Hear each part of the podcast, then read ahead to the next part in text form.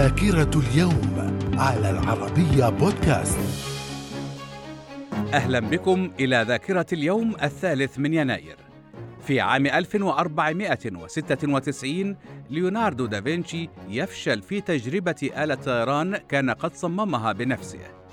في عام 1809 المخترع الفرنسي نيكولاس أبيرت يكتشف الحفظ الغذائي والذي وضع الأسس الحديثة للحفظ الغذائي. من الذاكرة. في عام 1899 الولايات المتحدة تحتل كوبا في عام 1917 فرنسا والمملكة المتحدة تعترفان بالشريف حسين ملكا على مملكة الحجاز. من الذاكرة. في عام 1924 العالم البريطاني في علم المصريات هوارد كارتر يكتشف تابوت الفرعون توت عنخ آمون بعد نحو عامين من اكتشاف مقبرته.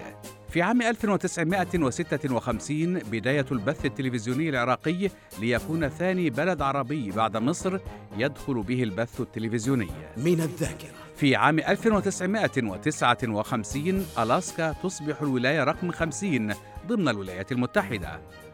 في عام 1962 الولايات المتحدة تقطع علاقتها مع كوبا.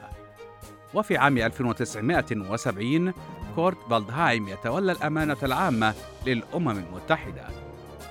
في عام 1985 إسرائيل تعترف بأنها قامت سرا بنقل يهود الفلاشة من إثيوبيا. في عام 2004 تحطم طائرة مصرية كانت تقل سياحا فرنسيين في طريقها من مدينة شرم الشيخ إلى القاهرة حيث سقطت في البحر الأحمر وأدى ذلك إلى مقتل 148 شخصا. من الذاكرة. في عام 2005 الكويت تعتقل عددا من العسكريين الكويتيين بتهمة التخطيط لضرب القوات الأمريكية في الكويت.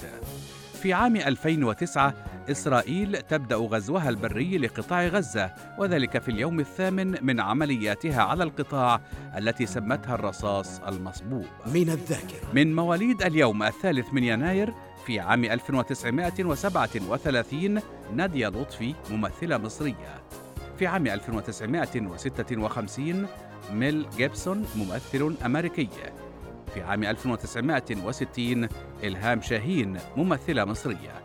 في عام 1969 مايكل شوماخر سائق سيارات سباق ألماني. في عام 1979 ديما قندلفت ممثلة سورية. من الذاكرة. من وفيات اليوم الثالث من يناير في عام 1966 الشيخ خالد العبد الله سالم الصباح وزير كويتي. في عام 2002 محمد العلي ممثل سعودي. إلى اللقاء.